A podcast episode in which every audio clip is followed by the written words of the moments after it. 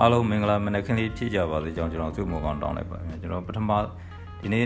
ဆက်လက်ဖတ်ပြပေးမယ့်အကြောင်းအရာပါလဲဆိုရင်ဘဝကန္တာတို့ဤသဟဇာတာနှင့်အညမညာဖြစ်စဉ်ကဲဘဝကန္တာတို့ဤသဟဇာတာနှင့်အညမညာဖြစ်စဉ်သဟဇာတာဆိုတာအတူတကွဖြစ်တာအတူတကွဖြစ်ပြီးတော့ကျွန်တော်အကျိုးပြုတာအညမညာဆိုတာအချင်းချင်းအပြန်အလှန်အကျိုးပြုတာဒါကျွန်တော်တို့ပဋ္ဌာန်းသဘောတရားအရာသဟဇာတာပစ္စည်းရောတို့အညမညာပစ္စည်းအဲ့လိုတွေရှိတယ် အဲ့တော့ဘဝကန္တာတို့ဤသာဇာတာနှင့်အညမညာဖြစ်စဉ်။ဘာဘာတွေပါမလဲဆိုတော့ကျောင်းစာမှုဝဲတွေမှာတကယ်လို့6ဘာသာပြဋ္ဌာန်းထားတယ်ဆိုရင်5ဘာသာမှာဂုံတူးထွက်နေပါစေ။တဘာသာအောင်မမရရင်တော့ကြားတယ်လို့သတ်မှတ်လို့ရတယ်။တော့ဘဝစာမှုဝဲမှာလည်းကြံတဲ့ကန္တာတွေဘလောက်အောင်မြင်ထွန်းပေါက်နေပါစေ။ကန္တာတစ်ခုမှာကြာဆုံးပြီဆိုရင်ဘဝတစ်ခုလုံးလုံးဝပျက်စီးတတ်ပါတယ်။ တော့တချို့လူတွေဟာစီးပွားရေးပညာရေးလူမှုရေးကဏ္ဍတွေမှာလိုလေသေးမရှိအောင်ပြည့်စုံနေပေမဲ့လို့ကျမ်းမာရေးဆုံးရှုံးသွားလို့ဘဝပြတ်သွားတာတွေအရာအလုံးပြီးပြည့်စုံပေမဲ့လို့ကိုကျင့်တရားဖောက်ပြက်လို့ဘဝသေးရတာတွေဖြစ်တတ်ကြပါတယ်။ဒီဘဝမှာအဲဆံဝဲပြင်6ဘာသာပြထားဒါပေမဲ့5ဘာသာမှာဂုံလို့ထွက်ပြီးတော့တစ်ဘာသာကြမယ်ဆိုရင်တော့အောင်မှာမဟုတ်တော့ ကဲကျန်တဲ့နေရာတွေမှာဘလောက်ထူးကျွံပါလဲကျွန်တော်တို့ဘဝမှာလည်းကျန်တဲ့ကဏ္ဍတွေမှာဘလောက်ထူးကျွံပါလဲတခုတနေရာရာမှာပြက်သီးဂျိုယွင်းသွားတာ ਨੇ ဘဝပြက်သွားတဲ့လူတွေအများကြီးဖြစ်တယ်โอเคအဲ့တော့ဘဝမှာကန္တာတစ်ခုတည်းကိုပဲဗဟိုပြုတ်လှုပ်ရှားနေမယ်ဆိုရင်တစ်ဖက်ဆောင်နှင်းဖြစ်ပြီးတော့ဘဝဆာမှုဝဲမှာကြာဆုံးကြာရှုံးတတ်ပါတယ်ဒါကြောင့်စတီဗန်ခွန်ဘေးကဘဝမှာဘဝမှာဘက်စုံအောင်မြင်ရေးအတွက် နံပါတ်1ပထမအဆင့်ဘဝရဲ့ကန္တာတွေဟာဟန်ချက်ညီညီသာဟဇာတာမျှတနေရပါမယ်ဒုတိယအဆင့်ဘဝရဲ့ကန္တာတွေဟာအချင်းချင်းအင်းညမညာပြုနေရပါမယ်ဒါမှသာမှန်ကန်တဲ့သဘောတရားကိုဗဟိုပြုခြင်းမြည်တယ်လို့ဆိုပါတယ်ပထမအဆင့်မှာဘဝကန္တာဟန်ချက်ညီညီသာဟဇာတာအချင်းချင်းမျှတနေရမယ်လူမှုရေးကျန်းမာရေးစသဖြင့်အချင်းချင်း မျှတမှုရှိရမယ်နောက်တစ်ခါဒုတိယဆင်ရပါလို့ဆိုဘဝကံတဲ့အတွက်ချင်းချင်းသဟဇာတ sorry အညမညာဖြစ်နေရချင်းချင်းအပြန်အလှန်အကျိုးပြုနေလူမှုရေးကနေကျမ်းမာရေးကိုအကျိုးပြုတာရှိမယ်ကျမ်းမာရေးနဲ့စီးပွားရေးကိုအကျိုးပြုတာဖြစ်မှာတခုခုအချင်းချင်းကျွန်တော်အကျိုးပြုတာဖြစ်နေတယ်ဒါမှတော့ကျွန်တော်မှန်ကန်တဲ့တရားမှန်ကန်တဲ့သဘောတရားကိုဘိုးပြုနေထိုင်ခြင်းလို့အတိတ်ပဲဆိုလို့ရအော နောက်တစ်ခုကဘာလဲဆိုတော့ဘဝကန္တာတို့ဤသဟဇာတာပစ္စင်ဘဝကန္တာတို့ဤသဟဇာတာဖြစ်စဉ်ဘယ်ဘဝကန္တာတွေမှာကျတော့သဟဇာတာဖြစ်အောင်ဘယ်လိုနေထိုင်မလဲဘဝကန္တာတွေကဟန်ချက်ညီဖို့ဟန်ချက်ညီဖို့ဘယ်အရာတွေကိုမဆိုနံပါတ်1ဘယ်အရာကိုမဆိုနံပါတ်1ကဘာလို့မလဲဆိုရင်ဖွံ့ဖြိုးတိုးတက်ရေးအမြင်ဖွံ့ဖြိုးတိုးတက်ဖွံ့ဖြိုးရေးအမြင်ပညာနဲ့စီးပွားတိုးတက်ရေးနံပါတ်1ချက် ဘယ်အရာမဆိုကျွန်တော်ဟန်ချက်ညီဖို့အတွက်ကြည့်ရမှာနံပါတ်1ကဘာလို့ဆိုရင်ဖွံ့ဖြိုးတိုးတက်ရေးအမြင်နောက်တစ်ခုကဘေးအန္တရာယ်ကင်းရှင်းရေးအမြင်တခုအမြင်ဆိုဘေးအန္တရာယ်ကင်းအောင်ဘယ်လိုကြည့်ရှုမလဲနောက်ကလူမှုရေးအမြင်လူမှုရေးအမြင်နဲ့ဘာတွေလုပ်ဖို့လို့လဲအဲ့ဒါပြန်ကြည့်နောက်ကစိတ်ဓာတ်ဖွံ့ဖြိုးရေးရအမြင်အဲ့ဒါပြန်ဒီအမြင်လေးရက်နဲ့အမြဲသုံးသက်နေရမှာဖြစ်ပါတယ် နောက်တစ်ခုခုမြင်ပြီဆိုရင်ဘဝကန္တာတစ်ခုကိုကြည့်မယ်ဆိုရင်တိုးတက်ဖွံ့ဖြိုးရေးဘက်ကကြည့်တဲ့အမြင်ရှိတယ်နောက်ကဘေးအန္တရာယ်ကင်းရှင်းရေးဘက်ကအမြင်ရှိတယ်နောက်ကလူမှုရေးဘက်ကကြည့်ရှုလို့ရတဲ့အမြင်ရှိတယ်သိတဲ့ဖွံ့ဖြိုးရေးရနဲ့ဆိုင်တဲ့အမြင်ရှိတယ်အဲ့ဒီအမြင်လေးရနဲ့ဘာလို့ပြန်မဆိုရင်ကြည့်ရှုအမြဲသုံးသပ်နေဖို့လိုတယ်ဒီလိုကြည့်ရှုနိုင်ခြင်းအပြင်နံပါတ်1ငွေချောင်းစိတ်ဓာတ်နဲ့သိခါပြက်ပြားရတာနောက်ကနံပါတ်2အလုံးချောင်း မိသားစုဘဝထိခိုက်ရတာနံပါတ်3လူမှုရေးကိုအကြောင်းပြုတော့ဘေးအန္တရာယ်ကြာရောက်ရတာဒါပြင်ကန္တာတစ်ခုကိုအကြောင်းပြုတော့အခြားတစ်ခုမှာထိခိုက်နစ်နာဘဝပြည့်ရတာတွေကိုရှောင်ကျဉ်နိုင်ပြီးတော့ဘဝကန္တာတွေသဟဇာတာဖြစ်နေပါလိမ့်မယ်ဒါကြောင့်ကျွန်တော်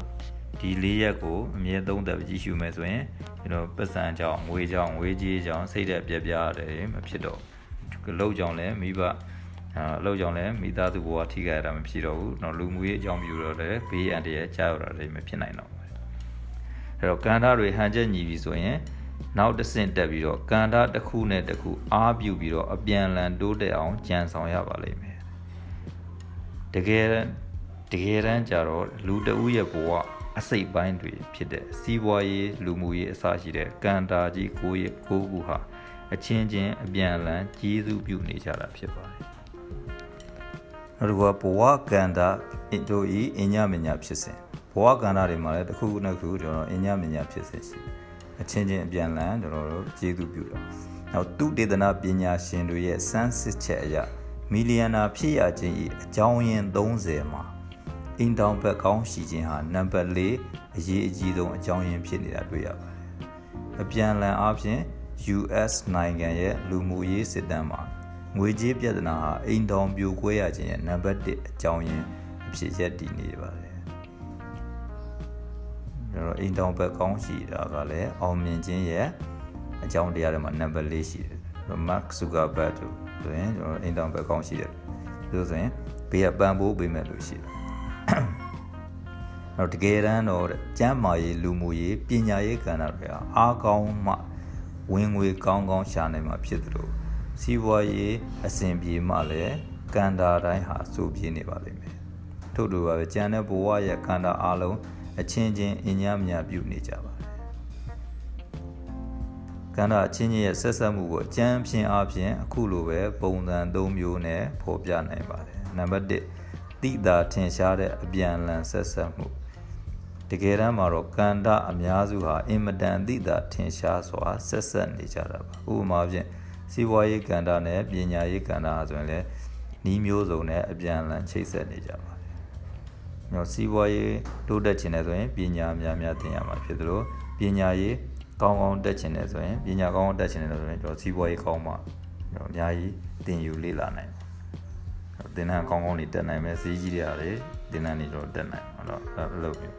ဟိုစီးပွားရေးကိုအကြောင်းပြုတော့လဲပညာရေးတိုးတက်အောင်လုပ်လို့ရသလိုပညာရေးကိုအ ကြောင်းပြုတော့လဲစီးပွားရေးတိုးတက်အောင်လုပ်နံပါတ်2ကဆက်ဆက်တယ်လို့အပေါ်ယံထင်ရပေမဲ့အမြဲဆက်ဆက်မနေတာတွေလည်းရှိတတ်ပါတယ်ဥပမာဖြင့်ငွေတွေရမ်းချမ်းသာရင်ပျော်စရာကောင်းမယ်လို့ထင်တတ်ကြပါတယ်အမှန်တကယ်တော့မှာတော့ငွေစင်းရဲရင်စိတ်ညစ်စရာကောင်းတာမှန်ပေမဲ့ငွေရမ်းချမ်းသာတိုင်းလည်းပိုပျော်စရာမကောင်းတာလည်းတွေ့ရပါတယ်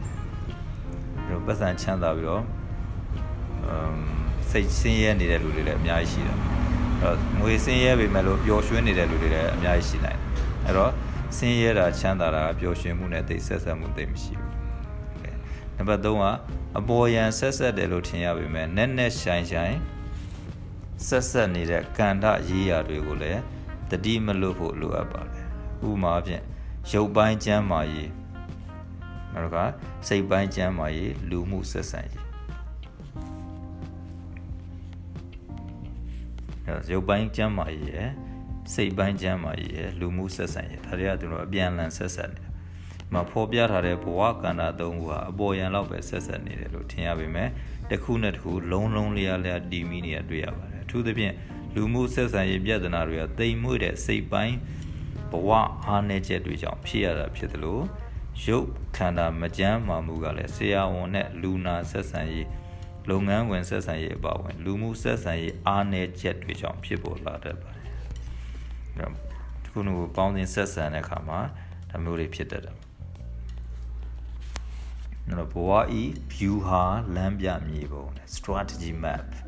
ခေဘဝရဲ့ view ဟာလမ်းပြမြေပုံအောင်မြင်တဲ့စီးပွားရေးအဖွဲ့အစည်းကြီးတွေဟာလုပ်ငန်းရဲ့ပင်မအစိတ်အပိုင်းတွေဖြစ်တဲ့ဘန်ဒါရေးလူအားအရင်းမြစ်ဖွံ့ဖြိုးရေး လူအားရင်းမြစ်ဖွံ့ဖြိုးရေးဆိုတာဝန်ထမ်းတွေကျွန်တော်ဆွမ်းဆောင်ရေးကောင်းတာနောက်လှုပ်ဆောင်လုပ်ငန်းဆောင်ရွက်ရေး operation နဲ့ဈေးကွက်ဖြန့်ချီရေးဆိုတဲ့ကန်တာကြီး၄ရက်ကိုတစ်ခုနဲ့တစ်ခုချိတ်ဆက်ပြီးတော့စီးပွားစီးပွားရေး view ဟာလမ်းပြမြေပုံလေးရေးဆွဲကြပါတယ်အဲ business business plan တွေပါတယ်ဆိုတာဒီလိုပုံစံနေဒီလိုပါပဲတဲ့အောင်မြင်သူတွေဟာလည်းမိမိရဲ့လူမှုရေး စီးပွားရေးကျန်းမာရေးအစရှိတဲ့ကန္တာကြီး၉ခုကိုချိတ်ဆက်ပြီးတော့ဘဝရဲ့ view ဟာလမ်းကြောင်းမြေပုံကိုရေးဆွဲကြရလေရှိပါတယ်။အဲဘဝကိုအောင်မြင်ခြင်းနဲ့ဆိုရင်ဘဝကန္တာကြီး၉ခုကို၉ခုကိုကျွန်တော်တစ်ခုနဲ့တစ်ခုချိတ်ဆက်မိအောင်ဒါမှမဟုတ်ရင်တနေရာမှာလေဟင်းမှုမရှိအောင်တစ်ခုနဲ့ကိုချိတ်ဆက်ပြီးတော့ကျွန်တော်လေ့လာဖို့မြေဟို strategy map ရေးဆွဲဖို့လိုတယ်လူတဦးနဲ့တူဟာဘဝဘေးအခြေအနေချင်းမတူကြတဲ့အတွက် view ဟာလမ်းကြောင်းမြေပုံချင်းလည်းမတူညီနိုင်ပါဘူးဘဝမှာကိုယ့်ရဲ့ view ဟာကိုကိုယ်တိုင်ပဲရေးဆွဲရမှာဖြစ်ပါတယ်ဒီနေရာမှာတော့အောင်မြင်သူတော်တော်များများရေးဆွဲလျှောက်လန်းလေရှိကြတဲ့ view ဟာမြေပုံ strategy map ကိုစမ်းနမူနာဖော်ပြပေးလိုက်ပါတယ်အောင်မြင်သူတဲ့လူတွေရေးဆွဲတတ်တဲ့မြေပုံနမူနာပညာကိုအခြေပြုရဲ့ဘဝတက်လန်းရှာခဲ့သူတို့ရဲ့ စံနမူနာ view ဟာလမ်းပြမြေပုံ strategy map စံနမူနာပြဖြစ်စဉ်ကိုပဲဇလန် story ဖွဲ့ရရင်တခါတော့ဘဝရည်မှန်းချက်ကြီးမားလာတဲ့စင်ရဲသားလူငယ်လေးတယောက်ဟာသူ့ဘဝကိုစစ်မှန်တဲ့ပညာပေါ်မှာအခြေခံပြီးတော့တက်လှမ်းဖို့တန်နှိမ့်ထန်ချမှတ်ခဲ့ပါတယ်။သူဟာပညာကိုစာမေးပွဲရလက်နဲ့ရမှတ်နဲ့တန်ဖို့ဖြတ်လို့မရဘူးဆိုတဲ့အတီတရားရှိထားတဲ့အတွက်တခြားကလေးတွေလိုចောင်းစာတွေကို အလွတ်ကျက်မှတ်ခြင်းကိုဦးစားမပေးဘဲနဲ့အကြောင်းအကျိုးကိုဆက်ဆက်ပြီးလက်တွေ့ဘဝနဲ့ရှင်ကလေ့လာသုံးသပ်လေရှိပါတယ်။တစ်ချိန်လုံးចောင်းစာတွေနဲ့ဂုံယုံနေတာမဟုတ်ဘဲနဲ့အားကစားကိုမှန်မှန်လုပ်ခါပြင်ပစာတွေကိုလည်းဖတ်ရှုတတ်ပါတယ်။ဒါပေမဲ့သူဟာစာတွေကိုအာကုံဆောင်ပြီးအမှတ်ပြည့်ညီပါရလေရှိတဲ့သူ့မိတ်ဆွေတွေလောက်ဆရာတွေကြားမှာရေပန်းမစားခဲ့ပါဘူး။ဒါပေမဲ့စာမွေးပွဲရမှတ်တဲ့ ဘဝကိုကြည်တက်လို့မရဘူးဆိုတာကောင်းကောင်းသိထားတော့အမှတ်မများတာဆရာတွေအရေးမပေးတာအတွက်ဘယ်တော့မှစိတ်မပြတ်ခဲ့ပါဘူးဒီလိုနဲ့ပဲသူဟာဆယ်တန်းကိုအောင်မြင်ခဲ့ပါတယ်စာကိုအောင်အာကုံဆောင်နိုင်ခဲ့သူတငယ်ချင်းတွေကနာမည်တက္ကသိုလ်အသီးသီးကိုတက်ရောက်သွားကြပေမဲ့တစ်ချိန်မှာစီးပွားရေးလုပ်ငန်းကြီးရှင်ကြီးဖြစ်ရမယ်လို့ရည်မှန်းထားတဲ့ဒီကျောင်းသားလေးကတော့ စီးပွားရေးတက္ကသိုလ်ကိုပဲ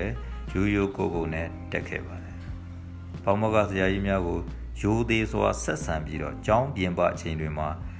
ကျောင်းပြင်ပအချိန်တွေပါမှာမေးမြန်းဆွေးနွေးရုံမကအားလက်ချိန်တွေကိုလည်းပြင်ပစီးပွားရေးစာအုပ်တွေကိုအမြဲရှာဖွေပြီးပြဋ္ဌာန်းစာတွေနဲ့ချိတ်ဆက်လေ့လာခဲ့ပါသေးတယ်။ဒါတွေမကကျောင်းပေးရက်တွေမှာလည်းအတွေ့အကြုံရမယ်အချိန်ပိုင်းဝန်ထမ်းလို့ဝင်လုပ်လိုက်ပါသေးတယ်။ ဒီကြားထဲမှာတန်ရောစဉ်အရေးရောင်ပေးလာတဲ့မိမချောလေးတွေနဲ့ကြုံဆုံခဲ့ရပေမဲ့ရီမန်းချက်တွေမပြည့်ခင်စက်ကြားမှာရင်ခုန်စံရင်ခုန်တန်စင်တွေကိုဥပခါပြုခဲ့ပါဒီလိုနဲ့ဘွဲရပြီးချိန်မှာတော့ဝင်ငွေတိတ်မများပေမဲ့အဆက်အသွယ်နဲ့အတွေ့အကြုံရနိုင်မဲ့လာကစားအလုပ်တကူကိုရွေးချယ်ခဲ့ပါတယ်ဒီလိုနဲ့ပဲလူငယ်လေးဟာရတဲ့လာကကိုချွေတာအလုပ်မှာပညာကိုရှာပြီးတော့လူ သူ့ရဲ့လူမှုကွန်ရက်ကိုပဲအမြဲတိုးချဲ့နေခဲ့ပါတယ်မကြခင်မှာပဲသူ့ရဲ့စိတ်ထားကိုထိုးဖောက်မြင်နိုင်စွမ်းရှိတဲ့စိတ်တူကိုယ်တူမနှောဖြူတူနဲ့လက်ထပ်လိုက်ပါယူသားကြိုးစားပြီးလာကစားအလုပ်ကိုကိုကိုပိုင်လိုအလေးထားလုပ်တတ်တဲ့လူငယ်လေးကိုသူ့အလုပ်ရှင်ကလည်းယာရုတွေခံစား권နဲ့တိုးမြင့်ပေးလာခဲ့ပါတယ်ဒါပေမဲ့ရီမန်းချက်ကိုမျက်ခြေမပြတ်တဲ့ဒီလူတွေဟာလုပ်ငန်းခွင်ပညာတွေပြည့်စုံလာတဲ့အခါမှာတော့ သူ့အရေးချင်းကိုသဘောကျတဲ့ငွေရှင်တူနဲ့သူရီမန်းထားတဲ့လုပ်ငန်းကိုဆက်တူထူထောင်လိုက်ပါလို့ဒီလိုနဲ့အလုပ်ကိုမစုံမစုံမနစ်ကြိုးစားတဲ့လူဒီလူရဟာနှစ်အတန်ကြာမှာတော့လုပ်ငန်းရှင်ကြီးတူဖြစ်လာခဲ့ပါတယ်ဒီလုပ်ငန်းရှင်ကြီးကအသက်အရွယ်ရလာတဲ့အခါမှာသူ့လုပ်ငန်းကိုယုံကြည်ရတဲ့တပည့်တွေနဲ့လွှဲအပ်ပြီးတော့အများအကျိုးပြုလုပ်ငန်းတွေနဲ့ပဲဘဝကိုဖြတ်သန်းနေပါတော့တယ်ဒီလုပ်ငန်းရှင်ကဘယ်သူလို့ထင်ပါသလဲ ကျွန်တော်စကားခံခဲ့ပြပါတယ်ဒါဟာ view ဟာလမ်းကြောင်းမြေပုံတစ်ခုကိုနမူနာပေးပြီးတော့ဇလန်းစီထားတာဖြစ်ပါတယ်ဒါပေမဲ့စိတ်ပြတ်မသွားပါနဲ့ဒီဖြစ်စဉ်နဲ့ထပ်တူကြိုးစားပြီးအောင်မြင်ခဲ့သူတွေလောကမှာအများကြီးပါဒီဗျူဟာလမ်းကြောင်းအတိုင်းရှောက်လန်းရှောက်လန်းရင်ရှောက်လန်းမယ်ဆိုရင်သင်လည်းပဲဒီအတိုင်းအောင်မြင်ပါလိမ့်မယ်ဗျူဟာလမ်းပြမြေပုံခုနကပြောခဲ့တဲ့ဇလန်တိုင်းကျွန်တော် ကျောင်းစာတွေကိုပဲအာယုံမဆိုင်ပဲနဲ့ဘေးပြင်ပါစာတွေကိုလည်းဖတ်မယ်ကိုဖြစ်ရှင်တဲ့ရည်မှန်းချက်လည်းရှိမယ်ကြိုးစားမယ်ဆိုရင်အောင်မြင်ဒီနေ့အောင်မြင်လာပါ viewer လမ်းပြမြေပုံနမူနာပုံစံရှေ့မှာဖော်ပြတဲ့ဖြစ်ရဇလန်ကို viewer မြေပုံ strategy map အနေနဲ့အသွင်ပြောင်းဖော်ပြပေးထားတာဖြစ်ပါတယ်နံပါတ်1ကဘာလဲဆိုတော့တဆင်ရင်းသွားတာ စစ်မှန်သောပညာရေးအခြေခံတိဆောက်ခြင်းစစ်မှန်သောပညာရေးအခြေခံတိဆောက်ခြင်းအဲ့အနေမှာလာကာစာအလုပ်ဖြင့်အတွေ့အကြုံရှာဖွေခြင်းတော့အလုံးလုံးရင်လည်းဘာလို့လဲဆိုရင်လူမှုကွန်ရက်ချဲ့ထွင်တယ်နောက်တစ်ခါတာယာတဲ့အိမ်တောင်ရေးကိုဖန်တီးတယ်နောက်တစ်ဆင့်ပဲဆက်သွားလဲဆိုတော့လာကစားလုပ်ကနေပြီးတော့ကိုယ်ပိုင်စီးပွားရေးလုပ်ငန်းထူထောင်တယ်ကိုယ်ပိုင်လုပ်ငန်းကိုယ်ပိုင်စီးပွားရေးလုပ်ငန်းထူထောင်တယ်နောက်တစ်ခါပရိုက်တာ ကိုယ်ပိုင်လုပ်ငန်းအောင်မြင်လာတော့ဘာလုပ်လဲဆိုတော့ပရိုက်တာလုပ်ငန်းပဲဖြင့်ဘဝကိုငြိမ်းချမ်းစွာဖြတ်တန်းတယ်ဒါကျွန်တော်တို့ကျူဟာပြမြေပေါ့ဒီကျူဟာပြမြေပုံမှာစံနမူနာမျှတာဖြစ်ပြီးတော့ကိုဘဝနဲ့လိုက်ဖက်မဲ့ view ဟာမြေပုံကိုယ်တိုင်ရေးဆွဲကြရမှာဖြစ်ပါတယ်။အဲတော့ကိုဘဝနဲ့အကိုက်ညီမဲ့မြေပုံကိုပါစုကိုကျွန်တော်တို့ ਨੇ စူးစမ်းပြီးရေးဆွဲဖို့ကိုကဘယ်သွားချင်တာလဲ ဘာလုပ်ချင်တာလဲကိုဘဝမှာစံထားတာတွေကဘာတွေလဲဘာတွေကိုဥတည်ပြီးတော့ကျွန်တော်သွားမလဲစသည်ဖြင့်တသိဉ္င်ကိုဘဝကိုပုံဖော်နေဖို့လို့ Okay အဲ့တော့ဒါကကျွန်တော်အခန်းနှစ်ပြီးသွားပြီအခန်းနှစ်ပြီးတော့ကျွန်တော်ဒီဘက်မှာအခန်းသုံးရှိတယ်အခန်းသုံးမှာဘာတွေဖတ်ရမလဲဆိုတော့မဟာဗျူဟာမြောက်ဘဝစီမံကိန်းနဲ့ဒါကတော့ဘဝတွေကခေါင်းစဉ်ကြီးပေါ့အဲ့မှာဘာတွေပါမလဲဆိုရင်မဟာဗျူဟာဤအနှစ်သာက နောက်က အနာဂတ်ကိုဗျူဟာမြောက်စီမံခြင်းနောက်ကအနာဂတ်ကိုကြိုတင်ခံမှန်းခြင်းနောက်ကဇပွဲထိုးဘဝမှာဝန်ကြီးချုပ်ဖြစ်လာသူမိုဒီဤဘဝဗျူဟာဘဝအနေထားကိုဗျူဟာမြောက်စမ်းစစ်လေ့လာခြင်းအာသာချက်အာနဲ့ချက်ခွင်လန်းနဲ့ချင်းချောက်ခြင်းအာနဲ့ချက်အာသာချက်ခွင်လန်းနဲ့ချင်းချောက်ခြင်းနောက်ကအာနဲ့ချက်ကိုအာသာချက်ဖြစ်သူပြောင်းလဲခြင်း နောက်ကချင်းချောက်မှုကိုအခွင်လန်းဖြစ်သူပြောင်းလဲခြင်းအာသာချက်နဲ့အခွင့်အလမ်းချိတ်ဆက်ခြင်းအာသာချက်နဲ့ချင်းချောက်မှုအားပြိုင်ခြင်းလောက၏ချင်းချောက်မှုမှုကိုစိတ်တက်အာသာချက်ဖြင့်အနိုင်ယူနိုင်ခဲ့သောတယုတ်သမတာကြီးအားနည်းခြင်းနှင့်ချင်းချင်းချောက်မှုချိတ်ဆက်သောအခါသုံးရမည့်ဖြူဟာ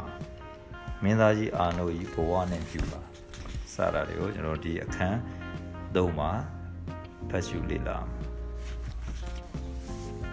အဲ့တော့ခန်း3ရပထမဆုံးကပါလဲဆိုရင်မဟာဗျူဟာမြောက်ဘဝစီမံကိန်းရေးဆွဲခြင်းနေရာထဲမှာမဟာဗျူဟာနဲ့စီမံခန့်ခွဲဖို့လိုသလားဆိုရင်မလိုဘူးလို့ပဲဖြစ်ရပါလိမ့်ဘယ်နေရာတွေမှာဗျူဟာလိုသလဲဆိုရင်တော့ဖြစ်နိုင်ခြင်းနဲ့တက်ရောက်မှုပေါ်မူတည်တယ်လို့ပဲဆိုရမှာဒီနေရာတိုင်းမှာမဟာဗျူဟာရေးဆွဲနေလို့မလို့ဟိုမှာခြေချိုးတယ်အိမ်သာသွားတာတွေဒီဟာတွေရောက်တော့ကျွန်တော် view ဟာ မြောက်ဆွဲနေတရားမလို့။အဲဘာတွေလို့လဲဆိုရင်ပြဿနာတွေဖြစ်လာနိုင်ခြေကလည်းအယမ်းများတယ်။ဖြစ်လိုက်ရင်လည်းမသက်သာဘူးဆိုတဲ့ကိစ္စရက်တွေမှာ view ဟာနဲ့စီစီမံခန့်ခွဲနိုင်ဖို့လိုအပ်ပါ။ဥပမာပြန်ကိုပိုင်စီးပွားရေးလုပ်ငန်းတစ်ခုစတင်ထူထောင်ခြင်း။တော့ပြဿနာတွေဖြစ်နိုင်ခြင်းများတယ်။အဲဖြစ်လာရင်လည်းကျွန်တော်တို့ ਨੇ ဘလို့မှကာကွယ်လို့မရနိုင်အဲ့လိုအခြေအနေမျိုးတွေကြုံလာတဲ့ကြုံလာနိုင်တဲ့အခါမျိုးမှာဆိုရင်ကျွန်တော် view ဟာ မဟာ view ဟာရေးဆွဲဖို့လိုတယ်။အဲဆိုရင်ကျွန်တော်ကိုယ်ပိုင်စည်းဝါးရေးတစ်ခုခုလုပ်မယ်ဆိုရင် view ဟာဆွဲဖို့လိုဖြစ်နိုင်ခြေကတော့နေပါပါရဲ့ဖြစ်လာရင်တော့ပြင်သက်ရောက်မှုပြင်းထန်တဲ့ကိစ္စတွေမှာအရေးပေါ်စီမံကိန်းရေးဆွဲတာဖို့လိုအပ်ပါတယ်။ဥမာအမှုခင်းတွေမမျောလင်းတော့သဘာဝဘေးအန္တရာယ်တွေတခါလေရင်ဖြစ်နိုင်ခြေနေတယ်ဒါပေမဲ့ဖြစ်လာရင်ကျွန်တော်တို့လည်းမလွယ်မလွယ်တာမလောက်မချောင်းတာနိုင်တဲ့အခြေအနေရှိတယ်ဒါမို့ဆိုရင်လည်း viewer ရေးဆွဲတာလို့ပြောတာဒီမှာဆိုရင်နာခဲ့လိုမျိုးပေါ့မကြုံဘူးတဲ့ဟာမျိုးတွေ အဲ့လိုဖြစ်နိုင်ကြတော့နေတယ်ဒါပေမဲ့ဖြစ်လာရင်ကာဝယ်ဖို့အတွက်ကြိုတင်ပြီးတော့စီမံထားဖို့လိုတာတော့ဖြစ်နိုင်ကြတော့များပါရဲ့တက်ရောက်မှုတိတ်မပြင်းထန်ပြဿနာတိတ်မကြီးတဲ့ကိစ္စရတွေဥမာအခမ်းအနားတော့အလူအလူတန်းပွဲလုပ်ရမယ်ကိစ္စတွေတာမန်ကိစ္စစီမံကိန်းပဲလို့အဲ့လိုတွေမှာဆိုတော့တာမန်စီမံကိန်းလို့ကိုကအလူတစ်ခုလုပ်မယ်ဆိုရင်ဘာတွေဝယ်မယ်ဘာတွေချက်မယ်ဘယ်လိုလုပ်မယ်စသဖြင့်အဲ့ဒါတွေနေပါပါလို့တော့နောက်ဖြစ်နိုင်ခြင်းနဲပြီးတော့ တက်ရောက်မှုလည်းနဲတဲ့အသေးမွားကိစ္စရပ်တွေမှာတော့ဘာစီမံကိန်းမှမလိုအပ်ပါဘူး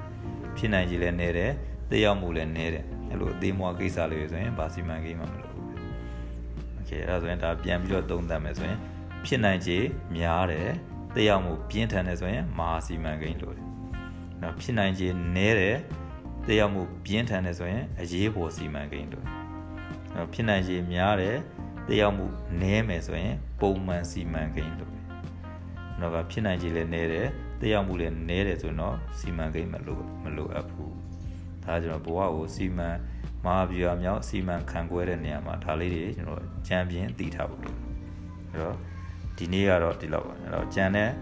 ဘိုင်းကိုတော့ကျွန်တော်မနေ့ပြန်မှာဆက်လက်ဖတ်ပြပေးပါအားလုံးကျမ်းမှာချမ်းသာစွာနဲ့တက်တောင့်တက်တာနေနိုင်ကြပါလို့ကျွန်တော်ဆုတောင်းနေဒီနေ့ဒီလောက်ပါမနေ့ပြန်မှာတွေ့တာ